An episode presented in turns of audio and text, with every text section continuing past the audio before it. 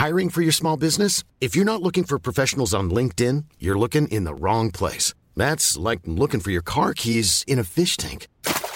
LinkedIn helps you hire professionals you can't find anywhere else, even those who aren't actively searching for a new job but might be open to the perfect role. In a given month, over 70% of LinkedIn users don't even visit other leading job sites. So start looking in the right place. With LinkedIn, you can hire professionals like a professional. Post your free job on linkedin.com slash people today. Hey, it's Ryan Reynolds, and I'm here with Keith, co-star of my upcoming film, If, only in theaters May 17th. Do you want to tell people the big news? All right, I'll do it. Sign up now and you'll get unlimited for $15 a month in six months of Paramount Plus Essential Plan on us. Mintmobile.com slash switch. Upfront payment of $45 equivalent to $15 per month. Unlimited over 40 gigabytes per month. Face lower speeds. Videos at 480p. Active Mint customers by 531.24 get six months of Paramount Plus Essential Plan. Auto renews after six months. Offer ends May 31st, 2024. Separate Paramount Plus registration required. Terms and conditions apply if rated PG. Made by Podster.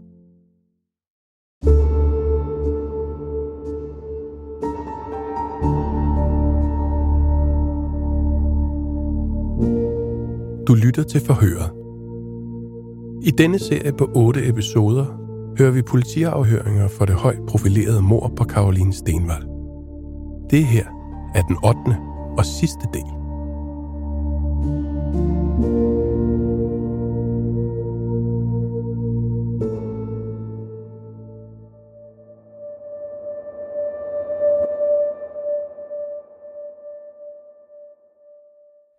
I den forløbige obduktionsrapport, der er kommet, står der følgende. Omfattende flænger på kranietag, kraniebund og ansigtsskelet, heriblandt underkæben, og brud på den øvre halsvivlsøjle. To brud er der på kæben. Jamen, det står der ikke her, ifølge den her besked. Hvad er der sket med hendes hoved? Men det er ikke skuddet, Nej, det er ikke skuddet. fordi det er gået gennem kranieknoglen. Altså, hvad er det for en skade? Det har jeg altid svært ved at tro. Tony, du mener, at du ikke tror på det, som en retsmediciner her skriver i sin rapport om skader på livet. Altså, tror du ikke på den her rapport, eller siger du, at du har svært ved at tro? Ja, ja. Du, du sagde, at kæben var brækket to steder. Altså, jeg siger det, jeg læser. Jeg kan også gøre det en gang til. Omfattende flænger af kranietag, kraniebund og ansigtsskelet, herunder underkæbe og brud på den øvre halsvivlsøjle. Det står der lige her i protokollen. Ja, jeg forstår. Du forstår? Ja. Godt. Men det, jeg ikke forstår, brud på halsvirvelsøjlen og en, en, en skadet kæbe.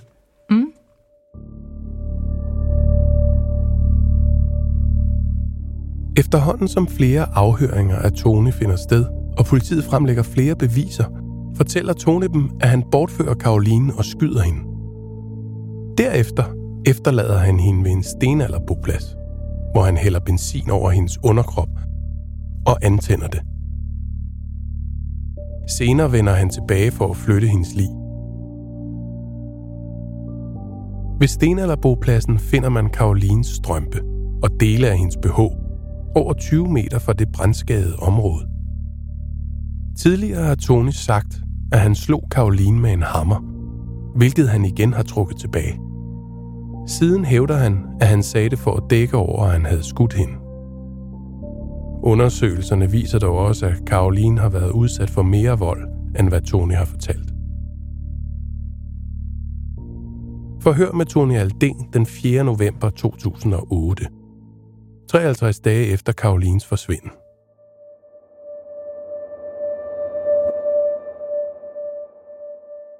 Tænk, efter at du har skudt, efter al den vold, hvad gør du bagefter? Jeg har jo sagt, hvad jeg har gjort. Jamen, Tony, der mangler jo noget. Ja, men det- hvilke skader kunne hun have pådraget sig, da hun faldt øh, mod traileren? Men du må jo have set nogle skader. Ja, hvilke skader kan hun have haft? Men du må jo have set nogle skader. Selvfølgelig. Du må da have lagt mærke til nogle skader. Nogle dele af kraniet befinder sig jo på sten- eller bopladsen. Var det ikke sådan, det hed? Jo. Altså, Mener du, at man skyder på et menneske, når hovedet allerede er knust? Altså, hvorfor har du fortalt mig om hammeren? Ja, det, det var jo for at skjule, at jeg havde skudt hende. Og, og der kan du se, hvordan det kan blive. Altså, nu påstår vi, at det, som du fandt på dengang, er mere sandt med hensyn til hovedet, end det, som du påstår, at du faktisk har gjort. Hmm. Ja. Og det viser både, at du har skudt, men du har også knust hovedet. Og så er du selvfølgelig gået i panik. Altså, du er gået i panik, fordi skuddet er ikke dræbende i sig selv. Og så forstår man næsten, at hvis det var slemt før, ja, så kan det jo ikke blive meget bedre efter det her. Jeg er ked af det. Jeg, jeg, jeg kan ikke få det der til at gå op. Nej. Hvem tror du vil få det til at gå op? Altså, hvor mange spekulationer vil der være om det her i de kommende dage? Altså, jeg, jeg undrer mig, når du siger øh, kæbe eller øh, halsvirvler. At vi læser bare op. Hvilke skader kunne hun have fået med traileren? Det, det er dig, der siger kæbe og rygvirvel. Hovedet er knust, Tony. Har du taget en tung sten, eller, eller har du taget øh, geværskiftet? Altså, det er jo lige ved hånden. Du, du, du står jo med det. Du har gjort noget der. Der er måske en sten på stedet, en 3-4 kilo tung sten. Nej.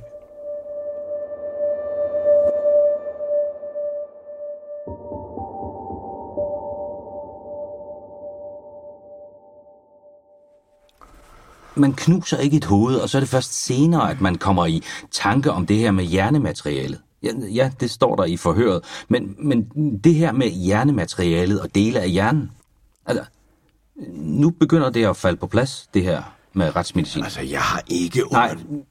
men hvad gør du med hovedet? Hm? Vil du tænke over det?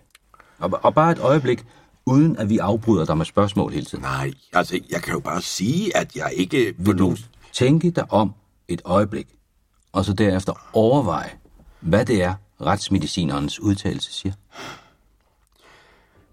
Jeg har sigtet på hende. Og hvis jeg har sigtet så dårligt, så har jeg skudt hende. Det er så rigtigt også.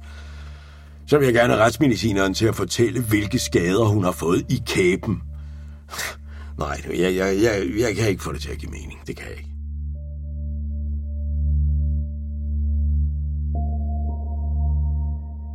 At Tony Alden på forskellige måder har forsøgt at skjule beviser i sagen, har længe stået klart for politiet.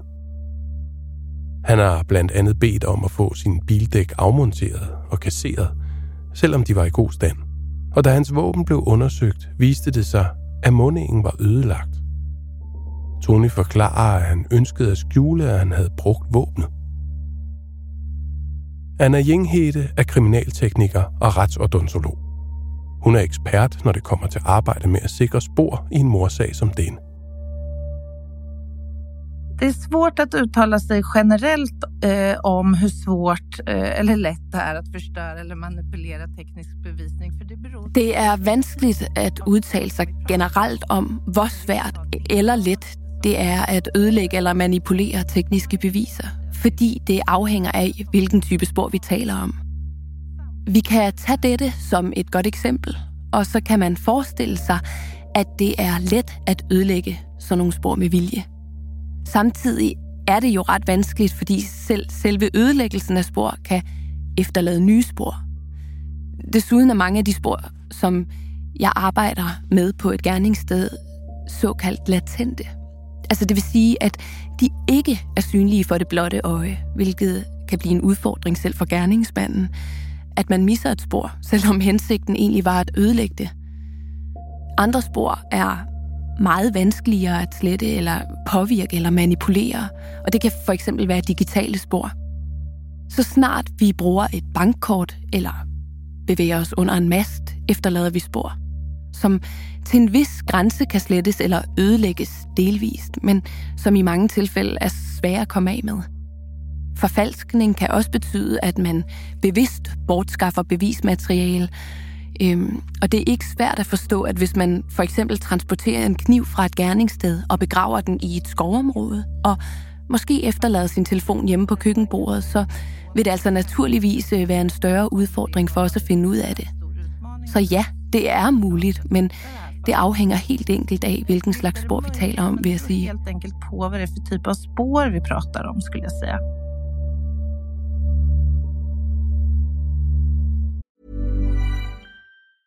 If you thought the only way to get a more defined jawline with natural looking results was through surgery, think again. Juvederm Volux XC is a non surgical injectable gel filler that improves moderate to severe loss of jawline definition and can help you achieve natural looking results with little downtime. Even better, this improved definition lasts up to one year with optimal treatment. No maintenance required. Improve jawline definition for a smooth, sculpted look with Juvederm Volux XC. For important safety information and to find a licensed specialist, visit juvederm.com. That's J U V E D E R M.com. Not for people with severe allergic reactions, allergies to lidocaine, or the proteins used in Juvederm. Common side effects include injection site redness, swelling, pain, tenderness, firmness, lumps, bumps, bruising, discoloration, or itching. There's a risk of unintentional injection into a blood vessel, which can cause vision abnormalities, blindness, stroke, temporary scabs, or scarring. Talk to a licensed specialist to find out if it's right for you.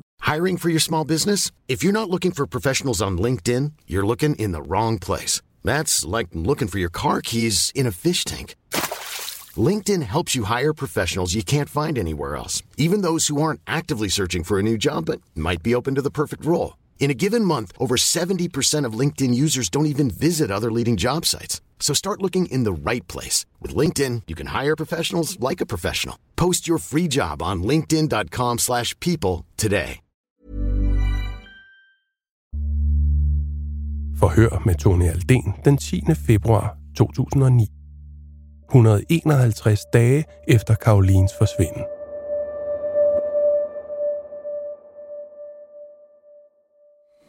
Så starter vi dagens afhøring med at høre dig i forhold til den retsmedicinske undersøgelsesrapport, som vi har modtaget fra UMO. Af retsmedicinerens rapport fremgår det blandt andet, at der er to forskellige skudsår i Karolins lig. Og det vil vi gerne have en forklaring på. Ja. Jeg kan, jeg kan kun huske, at jeg har skudt en gang. Der er to forskellige kuglehuller, altså kuglebaner i Karolins krop, som retsmedicineren har noteret. Og jeg ved, at du under den tidligere afhøring, da vi første gang nævnte det, øh, talte om skyderiet. Og der kunne du ikke afgøre endegyldigt, om der var et eller to skud. Ja. At jeg havde skudt hende i hovedet, men at jeg ikke hørte knaldet. Det er det, jeg har sagt. Men du har affyret to skud. Altså, jeg, jeg, jeg har jo også sagt, at jeg ikke vidste noget. Ikke? Jeg, jeg har ikke vidst det. Jeg, jeg ved ikke, om jeg har affyret et eller to skud. Udover retsmedicinerens rapport om, at der er to skud, så er der også et vidne, der siger, at han har hørt to skud. Ja, hvis der er to skud, så... Ja, ja. jamen fortæl mig mere om det.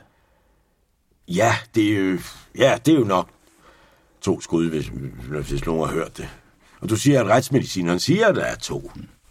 Det her er stillbilleder fra rekonstruktionen. Og her er du, her er dukken, og så har vi personbilen med for at vise, hvor din bil var på det pågældende tidspunkt. Og så den riffel, som du sigter med. Mm. Og det er det, du har vist os. Men det er ikke korrekt. Det er sådan, jeg husker det.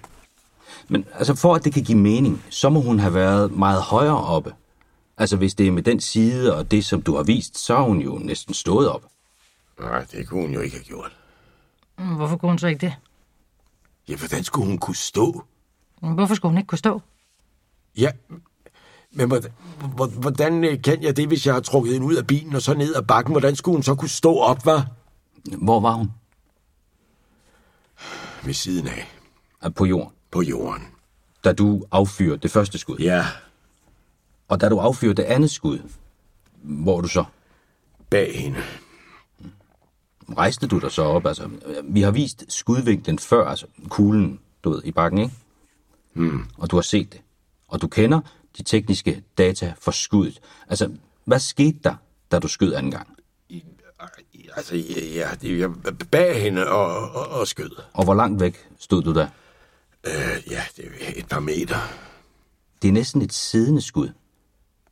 Hvad, hvad betyder det at sidde? Ja, det er tæt på. Ja. Ja, ja jeg ved jo, at jeg har siddet bag hende. Men, men det andet skud, eller det første skud, har du vist og fortalt om. Og så er der et andet skud. Og, og du kender de tekniske data på et af skuddene. Ja, om det så er det første eller det andet her. Det, det. Men det passer ikke med en skudvinkel, hvor du knæler. Hvordan skyder du de skud? Altså, hvilken position er du i? Står du? Det ved jeg ikke. Det, det er jo også øh, det, jeg har sagt tidligere. Altså, jeg ved, at jeg sidder bag hende. Altså, det her er omkring den 45-55 graders vinkel, som jeg viser her med armen nu. Og, og det er den vinkel, som kuglen har, da den rammer bakken. Og den svarer til kuglens bane i Karolins krop. Hvad fortæller det dig? Det er jo ikke en flad bane. Jeg må have været tæt på hende. Jeg fortæl mig om det. Det kan jeg ikke. Hvorfor ikke? Ja, det... Altså, jeg ved bare, at jeg har været bag hende. Hvor sigter du hen, når du skyder på hende? På hende? Ja, men hvilken del? På hovedet. Ja. Hvordan sigter du? Jeg peger bare med riflen, altså. Du har kikkertsigte på din rifle? Ja. Og kigger du gennem kikkerten? Øh, ja, det, det ved jeg ikke, om jeg gjorde. Nej. Har du andre sigtemidler under kikkerten, som du kan se? Nej, det tror jeg ikke. Og, og hvilken del af Karoline peger du på? På hovedet. På hovedet. Begge gange? Ja. Altså, man kan jo ikke lade være med at kigge på noget, som man håndterer. Og du har håndteret hende ved flere lejligheder. Du må have set, hvilke skader der var. Hvordan var det? Hvordan så hun ud? Hvordan så hun ud? Har du set nogen skader? Jeg har ikke set på hende. Selvfølgelig må du da have kigget på hende. Du kan jo ikke have haft øjnene lukket hele tiden. Du har håndteret hende flere gange. Selvfølgelig har du set det. Du kan da ikke bare sige, at du ikke kigger, for du må have kigget. Du må være gået hen til hende. Du må have vidst, hvor hun var. Du må være gået hen til hende, og så må du have set, hvad det er, du ser. Ikke? Ja. Karoline. Ja. Men kan du se nogle skader? Og hvilke skader ser du? Du står og sigter på hovedet. Mm. Hvilke slags skader ser du? Rammer skuddet? Ja, det, det tror jeg. Hvorfor tror du det? Ja, fordi der står også, og- du har sagt det før, at det er et menneske, de har fundet, med og hjernemasse og, og, og ja, og så videre. Okay, så, så det er bagefter, at du tror, at du ramte hende med et skud. Når du skyder, opfatter du så, at du rammer hende? Ja, det er jeg nødt til, for jeg sagde, at jeg skød hende i hovedet. Og det er der, du skyder hende. Vil du fortælle mig, hvordan? Altså, og ellers så kan vi jo blive ved med at gå frem og tilbage. Som jeg sagde før, så har jeg trukket Karoline ud af bilen. Så har jeg skudt. Jeg ved, at jeg er skudt i hovedet. Altså, Jeg ved ikke, om, om jeg også skød hende i ryggen. Men du skød hende i ryggen. Ja. Et skud. Du skød hende i ryggen. Ja,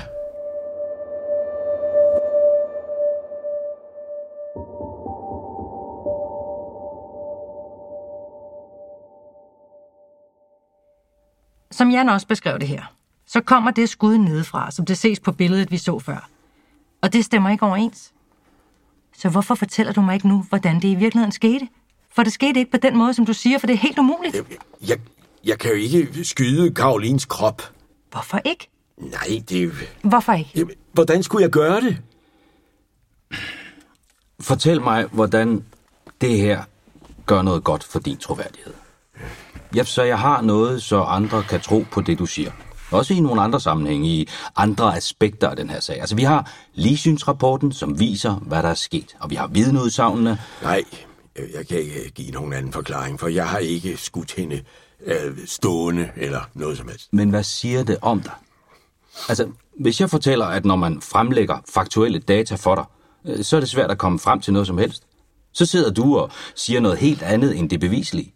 Altså, hvilket billede giver det af dig? Og, og hvilken troværdighed giver det af dig? Altså, hvordan vil det se ud i en retssal? Ja, nej. Altså,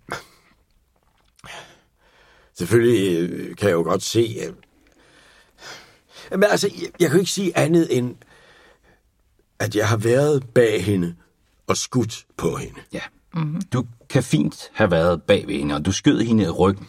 Og så har du vel også nok stået bag hende, men hun har ikke ligget på venstre side.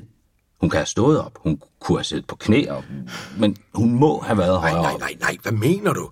Du, du mener altså, at Karoline var i live? Ja, det mener jeg. Vi er ved at nå dertil. Hun har været i live. Jeg har ikke skudt nogen. Karoline står ikke. Bortset fra, at retsmedicineren noterer, at der er to skudsår og kuglebaner. Den, som vi siger, der er i ryggen. Hun er blevet skudt i ryggen og i hovedet, og der er alvorlige skader i ansigtet. Og Ja, det er jo noget andet end de her skudsår. Altså vold i ansigtet, øh, stump vold. Du har fortalt, ja, måske det første forhør som mistænkt, eller, eller det andet, at du slog hende med en hammer. Ja, det, det har du fortalt mig. Ja, men det ved du lige så godt som jeg, Jan Petersen. Men nu siger retsmedicineren, at der er tale om et stumt traume i ansigtet. Jeg ramte hende ikke, hun faldt. Hvad slog du hende i ansigtet med? Jeg slog hende ikke i ansigtet. Jeg... Nej! Jeg slog hende ikke i ansigtet. Retsmedicineren siger, at hovedet nærmest er smadret. Altså, så er der det her skud, men også et kraftigt stumt voldstraume i ansigtet. Altså, hvad er det, du har gjort? Nej, nej! Men det er blevet fastslået. Jeg har ikke slået hende med noget stumt i ansigtet. Stump vold. Ja, der står ikke, hvad det er.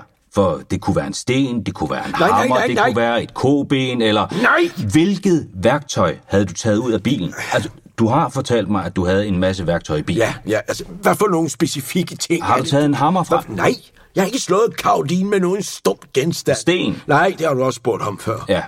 Jeg har ikke slået Karoline med nogen stump genstand. Nu kommer vi til det.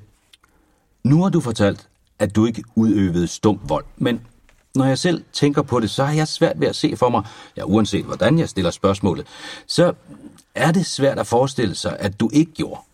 Så er det før eller efter skuddet, at hun har fået et stumt slag i ansigtet. Jeg slog hende ikke. Jeg slog hende ikke i ansigtet med noget som helst. Nej. Hvorfor slog du Karoline i Jeg ansigtet? har ikke slået Karoline i ansigtet med nogen stump genstand. Gjorde du det før eller efter, at du skød? Jeg har ikke slået Karoline i ansigtet med nogen stump genstand. Og hvorfor gør du det? Eller jo, altså hvorfor gør du Jeg det? ved, at jeg ikke har slået hende i ansigtet med en stump genstand.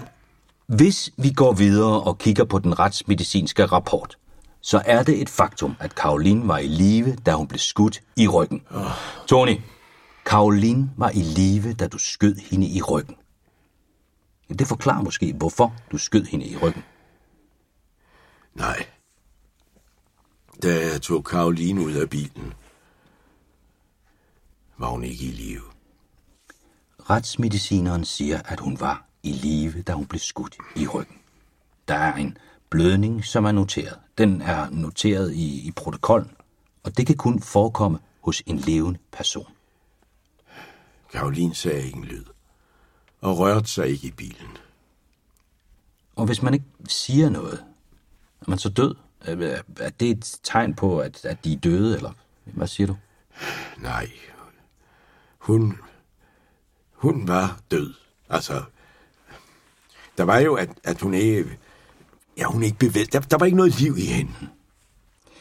Har du andre... Altså, nu er du informeret om, om ligesynsrapporten.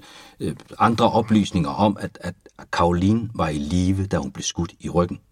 Hvilket sandsynligvis var det første skud. Men hun var i stadig i live efter det, og det har man kunnet se på Karolines krop, at den blødning er blevet konstateret. Og, og der er mere i, i den her rapport, og vi har også kopieret den. Men det kræver altså nogle bedre kommentarer fra dig, Tony. For, for det er af stor betydning for hele undersøgelsen. Altså, Karoline er i live, da du skyder hende. Der var ikke liv i Karoline, da jeg tog hende ud af bilen. Vil du selv læse det? Hvad siger du til retsmedicinerens rapport her? Kan du kommentere det? De her ting, som retsmedicineren har konkluderet i sin undersøgelse, at hun overlevede de her to skud. Hvordan kommenterer du retsmedicinerens rapport? Jeg kan ikke kommentere hans rapport. Men det må du kunne. For retsmedicineren siger, at hun var i live, og du siger, at hun var død. Så må du have en kommentar til retsmedicinerens rapport. Karoline flyttede sig ikke. Karoline var i live, da hun blev skudt i ryggen. Dengang Karoline var i bilen, da jeg kørte rundt med hende, sagde hun aldrig noget. Ikke en lyd. Tony, Karoline var i live, da hun blev skudt i ryggen. Det siger retsmedicineren. Ja, Ja, hun var i live. Det siger retsmedicineren. ja, det siger retsmedicineren.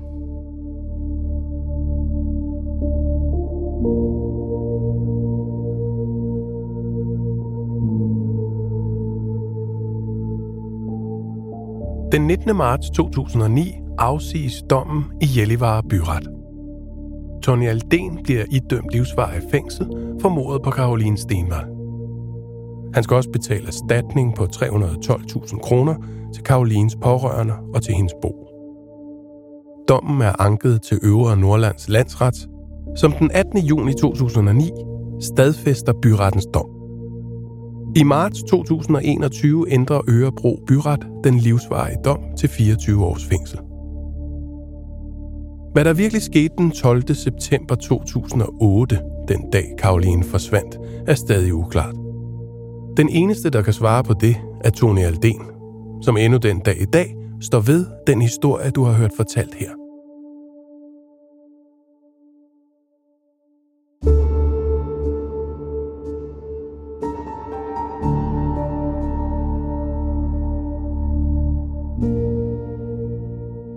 Du lyttet til forhøret og den sidste del af 8 om mordet på Karoline Stenvald.